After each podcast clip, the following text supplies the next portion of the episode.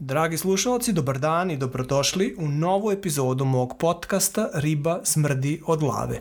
Danas vam donosim sedam saveta za odličnu B2B prodaju.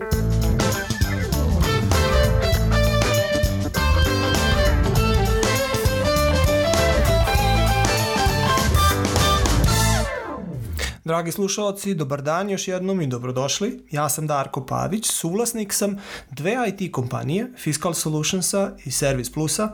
Obave kompanije su već jako dugo na internacionalnim tržištima. Kad kažem internacionalnim, mislim na preko 20 zemalja u kojima smo danas uspešno aktivni. Danas ćemo pričati o jednoj jako interesantnoj temi koja kod nas u našim kompanijama svakodnevno nalazi primenu, prodaja. Radi se o prodaji, odnosno konkretno o B2B prodaji.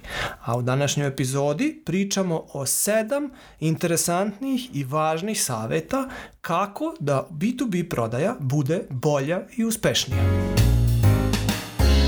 Krenimo sa najvažnijim savetom. Ovaj, on se tiče svih onih koji prodaju rešenja, a ne hardware.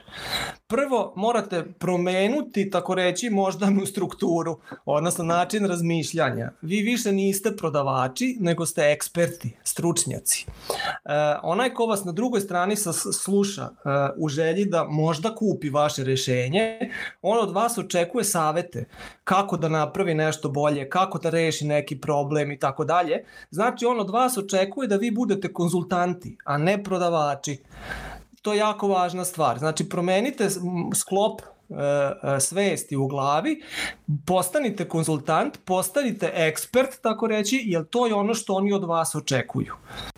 Nemojte razmišljati o tome šta je za vreme prodaje vaš cilj.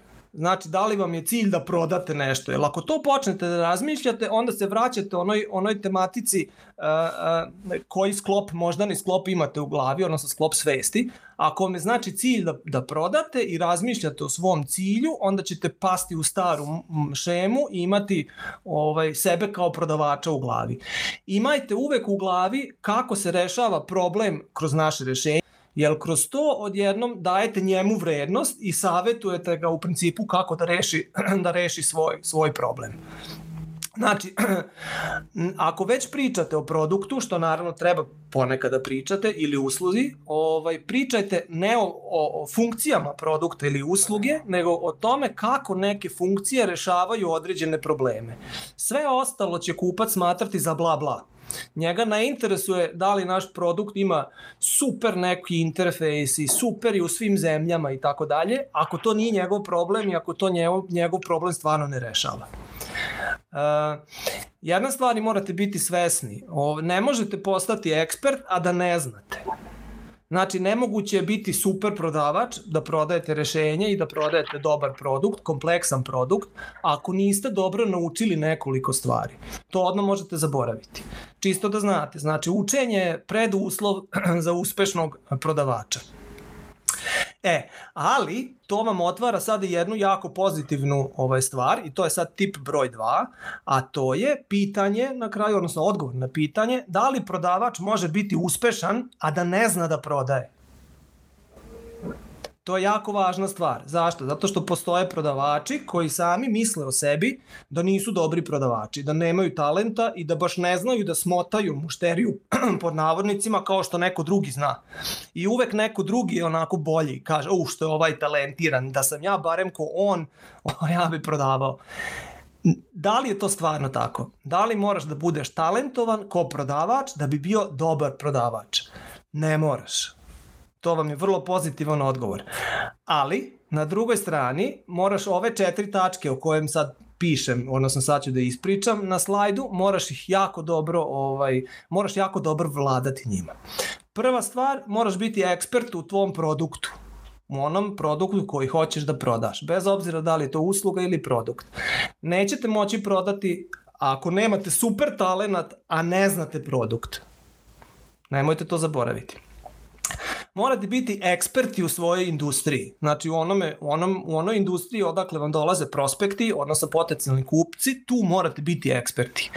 Ono što je jako pozitivno, te dve stvari se uče to nije deo talenta, to je nešto što se nauči. Znači da postaneš ekspert u svom produktu, to je jako lako naučiti. Uzmeš produkt i testiraš ga, igraš se s njim, gledaš, skidaš i tako dalje. E, I da postaneš ekspert u industriji i to je jako lako za uraditi. Dovoljno je samo da čitaš vesti, da slušaš webinare, da pričaš s mušterijama, da pričaš s ljudima koji su već u tome, da pričaš s kolegama koji su u tome i ti hoćeš, nećeš, ćeš postati ekspert u toj industriji u kojoj hoćeš nešto da prodaš. Znači, ta dva, te dve tačke su jako lak, lake za ispuniti.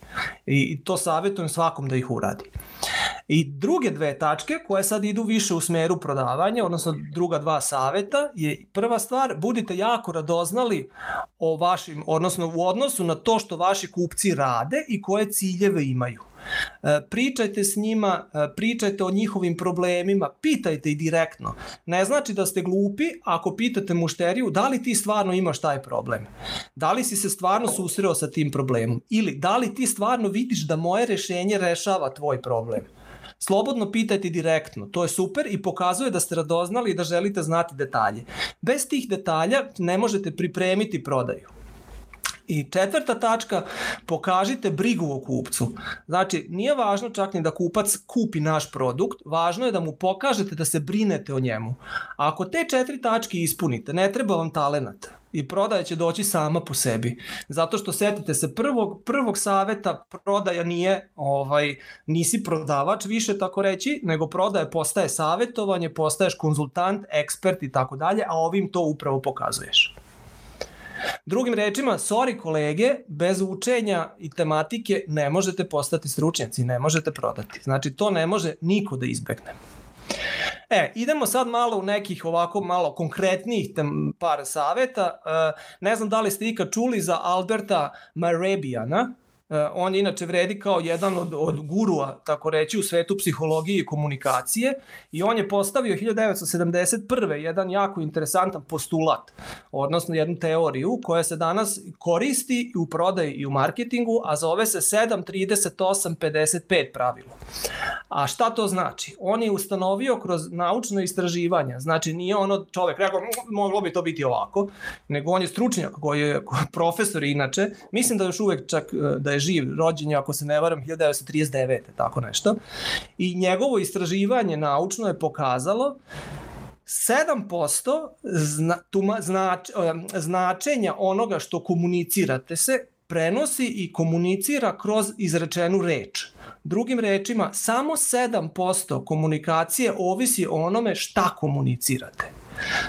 38% ovisi o tome kako komunicirate, znači kojom bojom glasa, Tu sam vam svima spominjao primer jednog e, od naših bivših ovaj prodavača koji dođe u ured pa kaže boli ga glava, onda zvoli telefon, on se javi na telefon sasvim drugčije, kod druga osoba. Ono, halo, dobar dan, kako ste? Razvuče usta i odjednom taj ton i tako, ta, ta, to, to prenese zračenje, tako reći, i odmah je sasvim drugčije komunikacija. E, to su tih 38% koje su u principu e, ton komunikacije.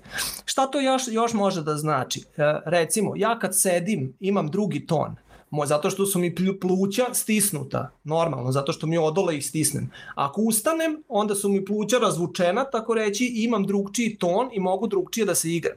Šta to znači? Pokušajte kad god prezentujete da stojite, čak i u, čak i u online meetingsima, ako je to moguće, ustanite. E, biće vama lakše. Ili koristite one stolove gde, gde, gde stojite, a ne gde sedite. Znači vi se na Zoomu isto vidite, odnosno na ovom online meetingu, isto vam se vidi samo glava i grudi, ali na kraju vi stojite, ne sedite i kroz to možete bolje i lakše da manipulirate ton. Ali to ne mora, to svakom je prepušteno, morate jedino znati da ton e, prodaje, a ne sadržaj. I 55% je body language. 55%. I to vredi bez obzira da li si online ili real life. Evo vam primer. Ako me se unesem u kameru pa kažem ej, to je jedan body language koji vam je odmah rekao sad ide nešto važno, sad ide ono neka ogromna stvar. Ali istovremeno sam vam postao neugodan zato što sam vam se približio. I u tom momentu kad vam se ja u kameru tako približim, onda vam počinje da se javlja onaj um, osjećaj, na, ulazite u moje intimno područje. Iako smo virtualno udaljeni stotine kilometara, svejedno se taj osjećaj pojavljuje. A ako sedim na nekoj normalnoj distanci koji bi sedio inače, koristim ruke za gestikuliranje ili šta znam, komunikacija teče lakše i lepše. Ovisno naravno opet o gestikulaciji, o položajima tela i tako dalje. Znači, nemojte to zaboraviti. E, praktičan savet što se ovoga tiče, uvek uključite kameru. Zato što 55% ćete prodavati sa sobom i sa svojim likom i sa svojim položajem tela i gestikulacijom. To je jedna stvar. I druga stvar, to se sad tiče više ovoga tona, pa na kraju i možda body language-a, uvek pravite pauze 2 do 4 sekunde izme, između važnih činjenica. Pauza. znači, zašto? Zato što ta pauza, to je ono što u principu um, daje važnost onome što pričate, a ne sadržaj. Nemojte to nikad zaboraviti. Znači, na kraju, e, vaš mozak funkcioniše tako da bi ja sad mogao malte ne totalne gluposti da pričam, ali ako ja to lepo pričam i ako to lepo zvuči i ako ja lepo gestikuliram i lepo izgledam na kraju, mislim, normalno lepo, vi ćete uživati u komunikaciji. Iako nećete znati ništa šta sam vam rekao na kraju krajeva, zato što sam pričao gluposti neke. E. Obratite pažnju na ovo, ovo je jako važna stvar. E, sad dolazimo, znači išli smo malo oko, od tih uopštenih tema, idemo sada do teme koje su vrlo konkretne, znači pričate sa mušterijom i mušterija vam kaže nešto i sad je pitanje šta je naj, najlepši, najbolji, najpametniji da odgovorite. Jedno pitanje koje se često ponavlja i uvek se ponavlja i 100% će se svima ponavljati još milion puta, to je izjava mušterijina da vam je cena prevelika uvek, to je njihov, njih, prvo morate shvatiti, to je njihov ko sport, ono, to im je ko zadatak da vam smanji cenu. Čak i ako mu je ona možda ok, čak i ako vidi vrednost u tome što prodajete, čak i tada će pokušati. To je taj neki poriv možda čak i onog arapskog porekla sa onog, za, za, kako kažu, za trgovinom koja dolazi iz arapskog sveta gde ljudi vole da pregovaraju. Ljudi imaju to jednostavno i neki imaju više, to je izraženo, neki manje. Nevezano za to da li kupac želi tako malo da se igra i pregovara, ako vam postavi to pitanje, postoji samo dva dva razloga zašto on to postavlja. Osim ako se hoće igrati, naravno, zaboravimo taj razlog u momentu. Prvi razlog je možda ta osoba koja odlučuje na toj drugoj strani, potencijalni kupac, stvarno nema budžet. Znači šef mu je stvarno rekao imaš 100, a naše košta 110 i on kaže, ali stvarno, sorry, ja nemam onih 10, nemam. Jednostavno nemam. A suviše mu je problematično da povećava budžet. Da li zato što se budžet jednom godišnje određuje ili bi morao da ide kod šefa, da starta proceduru, ko zna zašto. Znači, to je jedna mogućnost, stvarno nema tu lovu. A druga stvar, i to je ono što se češće događa u našem slučaju, a to je kupac ne vidi vrednost, toliku vrednost u tome što vi prodajete. To je najčešća stvar. Znači, vi mu kažete košta 110, on ne, ne vidi da to košta 110 i ne vidi vrednost u tome, možda vidi vrednost od 10 ili nikakvu vrednost i u tom slučaju ova, ova izjava naravno problematična. Šta ja savjetujem u, u kontekstu kad vam to neko postavi to pitanje, šta da uradite? Ja bi u svakom slučaju uvek pitao sledeću stvar, a to je, osim cene, Da li postoji još nešto što vam stvara glavobolju kad razmišljate o mom produktu? Zašto bi to pitao? Znači, engleski, John, beside price, what other concerns do you have?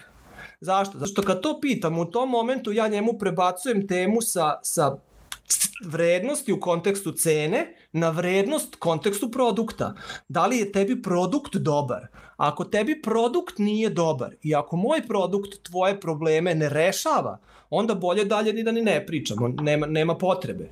Jer ako moj produkt ne rešava tvoje probleme, kakvu god ja tebi cenu dao, šta će ti moj produkt onda? Onda ga bolje nemoj kupiti. Razumete? I sad tu opet kažem, razmišljam, setite se drugog slajda gde sam rekao, brinite se uvek o tome da je kupac, da, da stvarno ima smisla to što kupcu dajete, da mu to stvarno rešava problem. Ako mu moj produkt ne rešava problem, jedan jedini euro mu je preskup i nema potrebe da mi ga da. Znači, prva stvar je mora kupac da vam prihvati i potvrdi da on u vašem produktu vidi rešenje svog problema. To je jako, jako važno. Ja počinjem često sastanke kad nešto prezentujem u kontekstu produkta sa pitanjem da li vi vidite u, ovom, u ovoj prezentaciji, u mom produktu, potencijalno rešenje svog problema.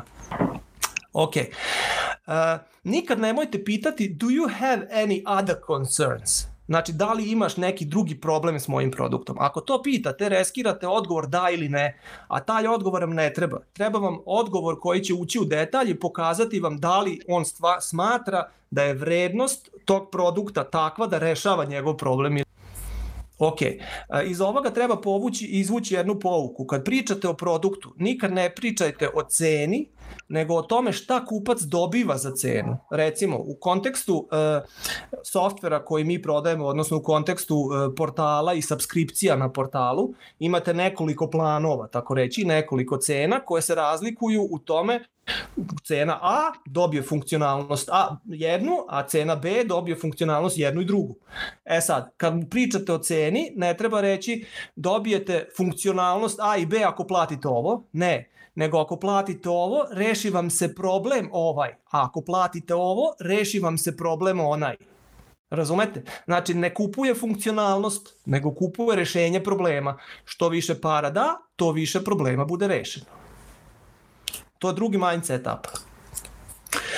E, ovo mi je isto jedno pitanje koje sam maltene u milijardu projekata i milijardu prezentacija i sastanaka čuo, a to je uh, izjava na kraju sastanka, super, hvala na prezentaciji, meni je vaš produkt odličan, ali moram prvo da pričam sa mojim šefom ili moram prvo da pričam sa mojim timom, pa ću come back to you što je totalno neodređeno e, i ako dopustite da se sastanak tako završi, to znači nema daljnjeg, nema sledećeg koraka, prepusteni ste na milost i nemilost onoga ko je na drugoj strani. Onaj koga ste ovaj kontaktirali verovatno nije video i prepoznao rešenje problema, da jeste, ne bi vas to pitao i ne bi to rekao, drugčije bi to rekao. Znači ovo pitanje, ova izjava vam uopšte ne odgovara. E, meni se pokazalo kao dobro da ovu, da ovu izjavu prebacim na nešto lično i personalno. A lično i personalno je ono da kažem, moram se složiti s tim, ne mogu protiv toga da kažem, ok, prihvatam to naravno, razumem da morate pričati sa šefom, razumem da morate pričati sa timom, ipak je to zajednička odluka. Znači, prvo moram pokazati razumevanje za to. Ne mogu da mu kažem, ono, ma nema šanse, ono, ti nešto drugo je problem. Ne, ali istovremeno mogu da kažem, znaš šta, ja bi se osjećao jako loše ako sad završim ovaj sastanak tako i ako ja ne saznam da li postoji još neki drugi problem koje tebe sprečava da sada doneseš kupovnu odluku za moj produkt. Ja bi se ubio, ono, pojao bi se od, od, od ove grižnje savesti. Znači, ako vratim to na sebe, da kažem ono jadan ja, ako ja u ovom slučaju ne saznam još i to, ja ću ono imati ogroman problem, pucam malo na sažaljenje i u 95% slučajeva mi je kupac uvek odgovorio na pravi način, odnosno rekao mi je u čemu je stvarno problem, zato što ovo, ovo je indikator da postoji drugi problem.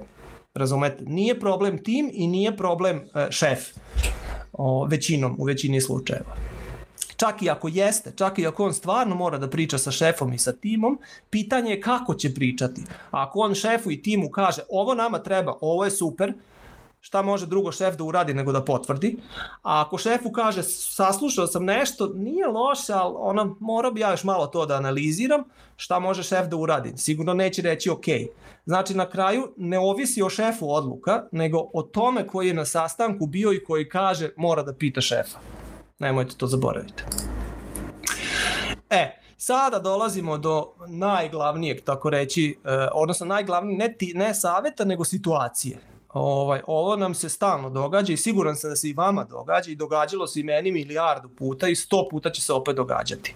Znači, imate lead, lead je super, lead je već kvalificiran, znači vi znate da, da je zainteresovan za naš produkt, znate da ima problem, identifikovali ste problem, znači deluje vam sve apsolutno ispravno.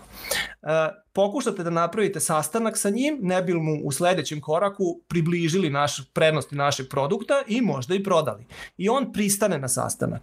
Vi imate sastanak, potrudite se, napravite sastanak odlično, odradite ga svim silama perfektno, misl, to je tako kako vi doživljavate naravno. E, sastanak se završi i that's it vi pokušavate da ga kontaktirate, on vas ignoriše. Šaljete mu mailove, on vas ignoriše pošu, pokušavate da ga nazovete, on vas ignoriše. Ta situacija se događa jako često i meni se događa jako. Uh, prvo, morate prepoznati da ste napravili grešku. Nije kupac napravio grešku, nego vi ste napravili grešku. Prodavač je napravio grešku. Prvo, zašto je napravljena? Koja greška je napravljena? Pa prvo, kupac ne bi bio kvalificirani lead i ne bi pristao na sastanak da već nema mišljenje da će vaš produkt rešiti njegov problem. Znači, on ima problem, očito, inače ne bi došao na sastanak i on hoće da vam da šansu da vidi da li će vaš produkt rešiti njegov problem. Inače ne bi došao na sastanak, vrlo logično. Odradili se sastanak, rećemo, vratit ću se posle na temu sastanka, on vas dalje neće, neće više kontakt nakon sastanka s vama. Zašto neće kontakt? Pa prvo, postoje samo dve opcije. Ili on još uvek ima problem, a u vama ne prepoznaje nekog koji, koji će da mu reši problem, To je jedna mogućnost, a druga mogućnost, on nema više problem, nego se odlučio na neki drugi način da ga reši, ili mu jednostavno više nije problem, ali to niste vi i vi mu više ne trebate. Da je ova druga opcija uh, izgledna i da je ona ta koja je stvarno pro tema i razlog zašto ne možete da kontaktirate, taj čovek bi vam rekao sorry, ono, ja taj problem više nemam, temu sam rečio, that's it, ono. Ne bi ostavio komunikaciju ovaj, otvorenu. A time što vas ignoriše, on ostavlja kom, kom, komunikaciju otvorenu. To je pozitivno, znači to nemojte zaboraviti. To što komunikacija ostane otvorena, iako je nema, to je pozitivno. Kad bi vam rekao, vi meni više ne trebate, time bi sve zatvorio, ili kad bi vam rekao, ja nisam prepoznao da mi vi rešavate problem, i to bi značilo da bi zatvorio sve. On to očito neće da zatvori, ali nije u vama prepoznao da mu vi tako kako ste mu prezentovali rešavate problem. To samo potvrđuje da ste vi napravili grešku za vreme sastanka. Ovako, koje su greške moguće za vreme sastanka i većinom su svih ovih pet grešaka te koje se pojavljuju u sastanku i dovedu do ignorisanja. Prvo je, niste dovoljno pripremljeni. Znači, nemate dovoljno informacija o kupcu koji vam dolazi na sastanak i onda ne možete naravno da agirate na sastanku. Niste, to je jedan problem, jedan mogući razlog, jedna moguća greška. Druga moguća greška, niste identifikovali očekivanje i problem mušterije. I na samom sastanku, na početku sastanka, niste to i komunicirali i rekli, ovo je vaš problem, ovo je, jel tako? Ili, da li je to stvarno vaš problem? Ili, moj produkt rešava ovaj problem, da li je to to? Ili, šta vi očekujete na, od ovog sastanka? Šta je vaše očekivanje? Znači, ako te stvari na početku ne budu jasne, onda je sast, iz, iz, ovaj, završetak sastanka vrlo upitan, odnosno ko zna kakav. Niste dobro, treća mogućnost, treća greška je, niste dobro prezentovali rešenje i, i izbiflali ste prezentaciju i to ste rekli i to je super, ali ta prezentacija nije napravljena na taj način da kupac predo, prepozna vrednost vašeg produkta. V, odnosno da prepozna da vaš produkt rešava njegov problem. Znači niste dobro prezentovali. Najčešće je ovo, ovo greška. Um, četvrta tačka, niste za vreme prezentacije prepoznali šta su njegove bolne tačke i zašto on neće ili ne može da naruči vaš produkt. Šta su njegovi concerns ili object, object, objections, šta mu je protiv, šta su mu protiv argumenti. To se, to se za vreme sastanka pita. Znači, malte ne nakon svakog feature-a koji prezentujete možete pitati da li ovaj feature vama rešava problem i da li vam je on ok ili vidite nešto zašto ga ne možete koristiti. To u toku prezentacije se često može pitati i ja to radim. I sad na kraju zadnja tačka koja je jako važna, a i 90% se pogrešno odradi, a to je na kraju sastanka ne dobijete komitment kupca za sledeći korak. Komitment znači da se on složi sa sledećim korakom. Ako vi kažete ono, ok, super, sastanak se završio, ja ću vas kontaktirati sledeće nedelje da, da vidimo ono status i da se dogovorimo za dalje, a kupac samo ono kaže, ok, to nije komitment to je samo ono, sam ti zovi pa vidjet ćemo. Vam trebaju jaki komitmenti nakon sastanka, da se kupac stvarno složi sa nečim i da se stvarno dogovori o sledećem koraku, da učestvuje u dogovoru o sledećem koraku. Ako se ova situacija dogodi i znači upali ste u baš u tu u taj loop, imali ste lead, odradili ste sastanak i ne možete više da kontaktirate tog kupca, on vas ignoriše. Spomenuo sam jednu pozitivnu stvar, a to je da komunikacija nije završena. On je nju ostavio otvorenu. To je ono što može da se iskoristi. A šta to znači sad konkretno? Šta je moguće? Prvo, tu prodaju sa tog sastanka možete zaboraviti. Koji god vi follow-up slali, nema teorije da, da se bilo šta dogodi ako šaljete follow-up vezano za taj sastanak. Ono što morate da uradite u tom kontekstu, što se meni pokazalo kao dobro, je da reconnect sa to, tom mušterijom. Stvar, budite strpljivi, to je prva stvar, i reconnect sa mušterijom. Znači, krenite ponovo iz nule. Krenite od početka. Be around, budite oko mušterije. Komentirajte njegove socijalne mreže ako nešto objavljuje.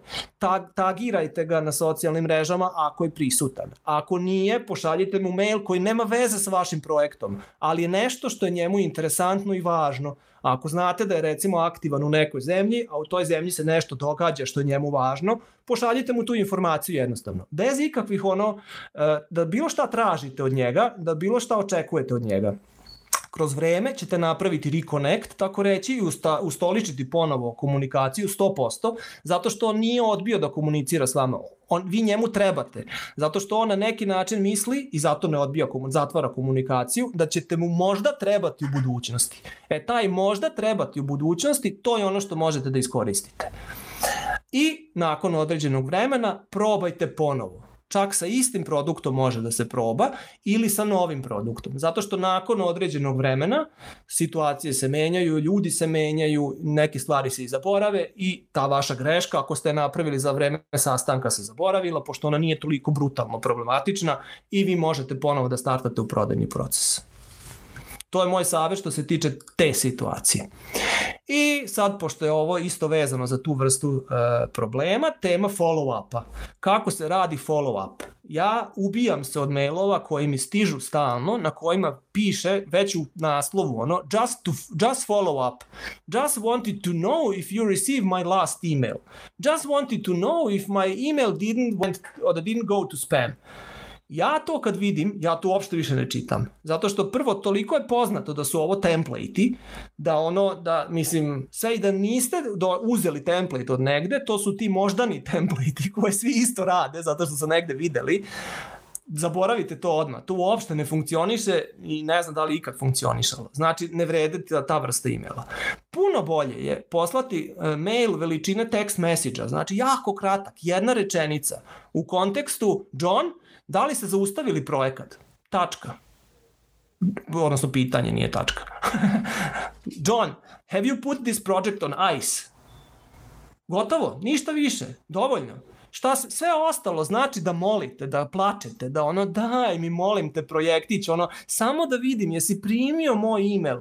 Nema to šta, on ima projekat ili problem, mi imamo rešenje, ili projekat da odradimo za njega i sad je pitanje što se ne javljaš, jesi zaustavio projekat ili šta ima, šta ima drugo. Ne pitajte ga how are you, I hope you are fine, you are well, ništa od toga, šta će vam to? Znači u glavu direktno, John, have you put this project on ice? U 90% slučaja će vam ljudi odgovoriti. Vidjet ćete. To je jedna stvar. Druga stvar, koristite nove načine komunikacije, recimo kratke videe. E, istu ovu stvar, isti ovaj upitnik ko ovaj message malo pre, možete poslati sa videom. Na LinkedInu možete danas da pošaljete uh, message sa videom, znači snimite se, isto ovo pitanje, hey John, uh, what about your project? Did you put it on ice? Gotovo. That's it, ništa više. Istu stvar možete uraditi sa voice message-om, da li preko Whatsappa, da li preko LinkedIna, da li preko nekog drugog kanala. Znači koristite multi-channel, nemojte se samo zaopucati na mail, ono follow-up mail, follow-up mail. Veća je šansa da će vam upaliti follow-up na drugoj, na, na, kroz drugi kanal. Nadam se da su vam se svideli moji saveti za B2B prodaju. Ako imate nekih drugih ideja, recimo koje savete bi još hteli da čujete ili koje probleme imate pa vas zanima kako da izađete iz tog problema, slobodno me kontaktirajte pa ćemo obraditi tu temu u jednoj od sledećih epizoda. Bilo bi mi drago da se slušamo u jednoj od sledećih epizoda. Želim vam sve najlepše, lep pozdrav!